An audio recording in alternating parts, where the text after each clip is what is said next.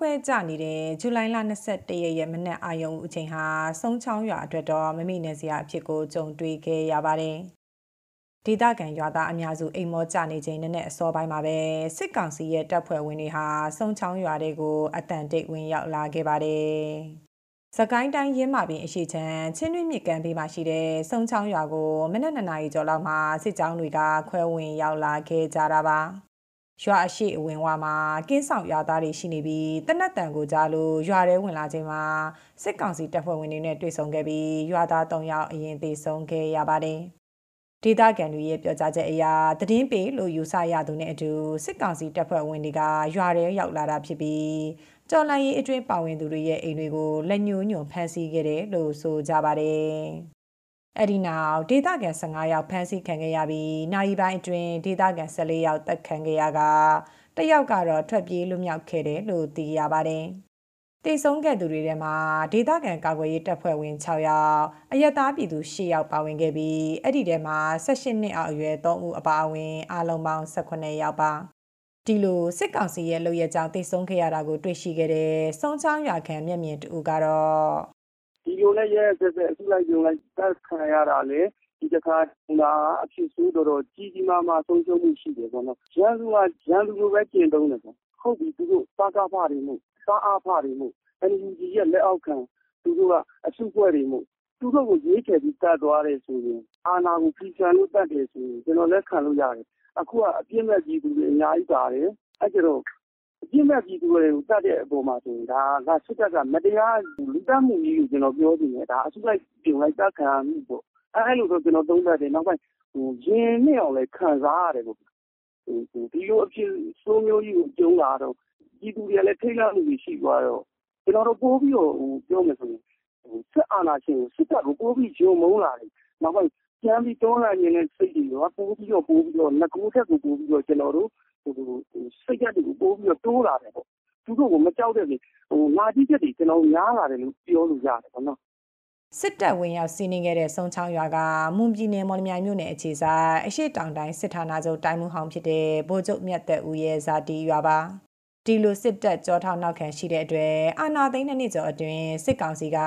ရွာတဲကိုစစ်ကြောင်း၄ကြောင်းသာထိုးခဲ့ပြီးရွာကိုမီးရှို့ဖျက်ဆီးခဲ့တာတွေနဲ့အရက်သားပြည်သူတွေတပ်ဖြတ်ခံရတာမျိုးမရှိခဲ့ပါဘူး။စကိုင်းတိုင်းဒေသကြီးအတွင်းမကြာခဏလူအစုလိုက်ပြုံလိုက်တပ်ဖြတ်မှုတွေရှိနေပေမဲ့စုံချောင်းရွာမှာတနစ်ဒီလိုဖြစ်လာမယ်လို့ဒေသခံတွေကမမျှော်လင့်ထားခဲ့ကြပါဘူး။ စစ်တပ်စစ်ကြောင်းတွေဟာနောက်နေ့22ရက်မနက်8နာရီလောက်မှာတော့ရွာနောက်ဘက်ကနေပြန်လည်ထွက်ခွာသွားတယ်လို့သိရပါတယ်။စစ်ကောင်စီလက်အောက်ခံသတင်းဌာနတွေမှာတော့စုံချောင်းရွာကို PDF တွေဝင်ရောက်စီးနင်းလို့ PDF 9ဦးသေဆုံးခဲ့ပြီးစစ်လက်နက်တချို့သိမ်းဆည်းရမိခဲ့တယ်လို့ဇူလိုင်လ22ရက်မှာဖော်ပြခဲ့ပါတယ်။ဒါပေမဲ့လည်းဒေသခံတွေရဲ့တေဆုံးတပ်ပုံတွေမှာတော့အသက်အရွယ်ကြီးမြင့်သူအများစုပါဝင်နေပြီးဝစ်စင်လေးရှိတဲ့ပစိုးတွေကိုသာဝစ်စင်ထားကြပါတယ်။ ရင်းမာပင်ကာကွယ်ရေးတပ်ဖွဲ့ဝင်တူကတော့စစ်ကောင်စီတပ်ဆွဲတဲ့နေရာနဲ့တမိုင်သာဝေးတဲ့ဆုံးချောင်းရွာကိုမထင်မှတ်တဲ့အချိန်အလင်းငတ်ဝင်ရောက်စီးနင်းခဲ့တာကြောင့်ဒီလိုထိခိုက်နစ်နာစေတယ်လို့သူအမြင်ကိုဆိုပါတယ်သူတို့ဘက်ကလည်းကြိုတင်တင်တင်ပြီးမှဝင်လာတဲ့သဘောရှိတယ်ဟိုအဲ့ဘက်ကနေ12နာရီလောက်ကနေပြီးတော့သူတို့ဖတ်သွားတယ်ကကြားတယ်ရဒါပေမဲ့တက်ဖြောက်တာတားတော်တယ်ဗျာဟိုတနာရီလည်းတော်တော်မှမသိအောင်တနာရီစကားမှမသိအောင်မိုးလဲရွာတော့ညလဲပေါ့ဖြစ်တော့ဒီတင်ပြင်ဆင်ပြီးတော့ဗျာဒါကိုကတ်လာတယ်ပြီးမှတကယ်ပိုင်းဒီမှာဒီ2နာရီလောက်မှအားရဖမ်းကြရတယ်ပေါ့ ကျွန်တော်တို့တိုက်ပွဲကာလအနေနဲ့သူတို့ရွာကိုဝင်နေပိုင်းညာဆိုကျွန်တော်တို့အနေနဲ့ကတိုက်ပွဲအတွင်းကိုတတ်မှတ်လို့ရတယ်ဗျ။ရွာမှာအေးအေးဆေးဆေးနေပြီးတော့လယ်ယာလုပ်ငန်းလုပ်ကိုင်နေတဲ့ပြည်သူတွေရောပါတယ်ဗျ။သူတို့တွေရောဘာမှမဆိုင်ဘဲနဲ့ဟိုအသတ်ခံလိုက်ရတယ်ဆိုတော့ပြီးတော့ခေါင်းကိုထိပစ်တဲ့ဟာတွေရောလည်ပင်းထိသွားတဲ့ဟာတွေရောပြီးတော့အသေရိုက်နေပြီးမှအညိုမဲဆွဲနေဖိတ်ကြိုက်ဟိုဖိနှိပ်စက်ကြီးနဲ့တက်သွားတဲ့အလောင်းတွေအများကြီးတွေ့ရတယ်ပေါ့။ကျွန်တော်တို့ကလက်ရှိချိန်မှာတော့ကျွန်တော်တို့ကတော့သူ့အတွက်ဘုရားမျှတမှုတွေပါတယ်ဗျာကျွန်တော်တို့ကရှားရမှာမဟုတ်ဘူးဗျာ။ရှင်းရှင်းလေးပဲဒီကျွန်တော်ရှိ တော်လှန်ရေးကြီးကိုဘယ်လိုမျိုးဆုံးသိအောင်လုပ်ကြမလဲအဲပြီးရင်ဒီအတွက်အဖြေရှာမှုတွေပါရကျွန်တော်တို့တက်ဆင်တော့မှာပဲဒီတော်လှန်ရေးကြီးဟိုအားကောင်းကောင်းနဲ့ဗျာနိုင်ငံပြီးဆုံးအောင်ပြင်ဆင်ကျွန်တော်တို့ဘယ်လိုလုပ်အောင်လဲဒါကိုကျွန်တော်တို့ကလက်ရှိမှာစဉ်းစားမှာပဲဗျအဲပြီးမှကျွန်တော်လက်ရှိခံရရတာတွေတို့ကထုတ်ကုန်တင်တာတွေအဲပြီးတော့တူတူဆက်တာတွေကဒါကျွန်တော်တို့ကဒီမှာပြန်လို့မှာဗျစုံချောင်းရွာဟာအနောက်ရွာမြောက်ရွာကြောင်ရွာနဲ့အလဲရွာလေးရွာရှိပြီး အင်ဂျီ2000ကျော်မှာလူဦးရေ9000ကျော်နေထိုင်တဲ့ရွာကြီးတွေပါ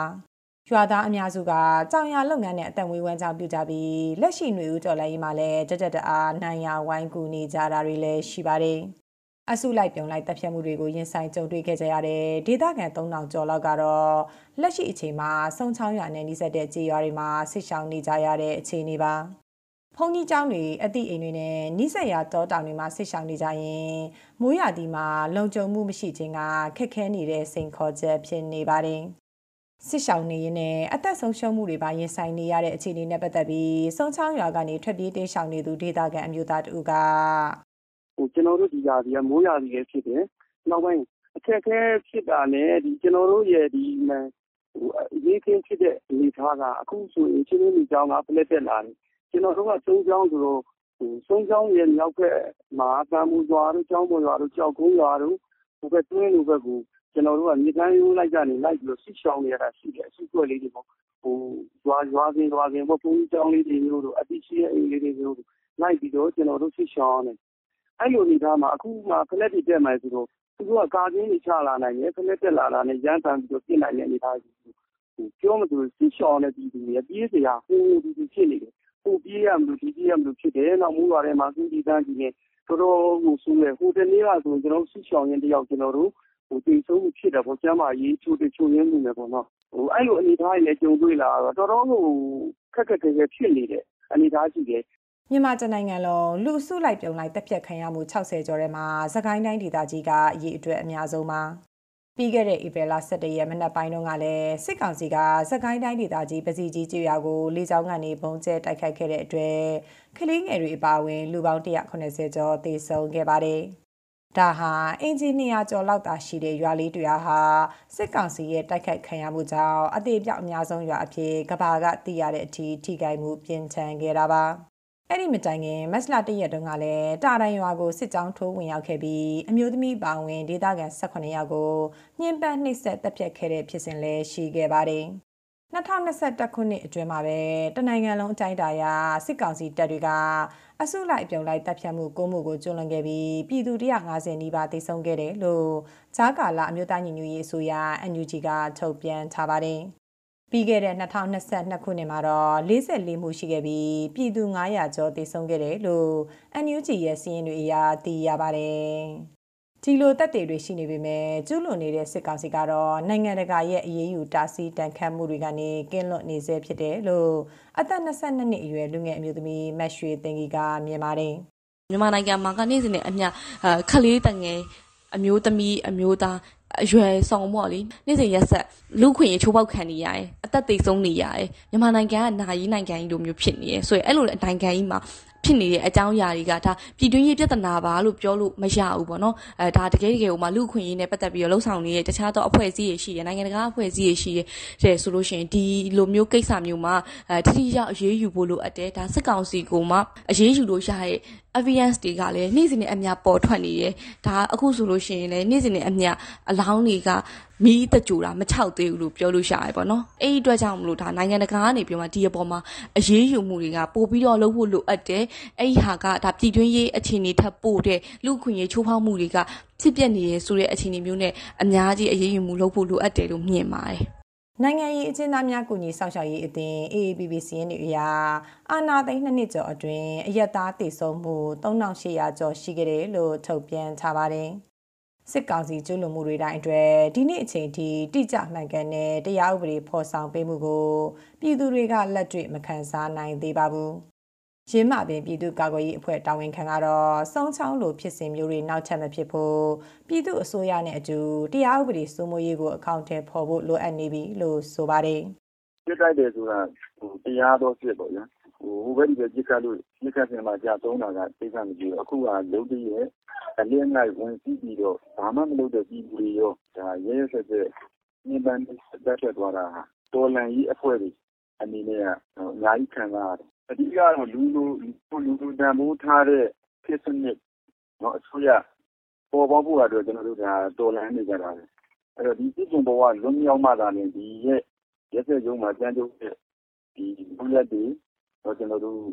ဖျက်ရှားနိုင်တယ်နော်အဲ့လိုမျိုးမှ မဟုတ်ဘဲနဲ့ကျွန်တော်ဒီတိုင်းပဲ ငြိမ်ခံသွားမယ်ဆိုရင်တော့ကျွန်တော်တို့ရဲ့စစ်ကြုံဘဝလက်မှာပေါ့စစ်ကြုံဘဝရောက်ရင်ဘုလိုမျိုးကျွန်တော်တို့အခုလိုမျိုးပဲ ညှိနှိုင်းမှုတဲ့တက်ချက်ချင်းကျွန်တော်တို့လွတ်မြောက်မှာ မဟုတ် စကိုင်းတိုင်းကပြည်သူတွေကတော့အကြမ်းဖက်ဖြိုခွင်းမှုတွေကြုံတွေ့ရပေမဲ့လည်းဒီမိုကရေစီစနစ်ပြန်လည်ပေါ်ပေါက်ရေးတတိထံဟာခိုင်မာနေစေလို့ဆိုနိုင်ပါတယ်။ဆုံးရှုံးခဲ့တဲ့မိသားစုတွေမိတ်ဆွေတွေနဲ့ဆွတ်လွတ်ခဲ့ရတဲ့နေအိမ်တွေစာဒီမိုကရေစီအရေးကိုသာအဓိကလို့မှတ်တင်ထားကြတာပါ။ ဒီလိုယုံကြည်မှုတွေနဲ့အတူအညာလူထုတွေရဲ့ဆွတ်လွတ်အနေနာခံမှုတွေဟာຫນွေဦးကျော်လန်ရေးရဲ့အရေးပါတဲ့တန်မိုးရှိပြရုပ်တစ်ခုအဖြစ်ဆက်လက်ရှင်သန်နေအောင်မှာဖြစ်ပါတယ်။ဒီသတင်းဆောင်မကိုတန်လွင်ခက်ကပေးပို့ထားတာဖြစ်ပါတယ်။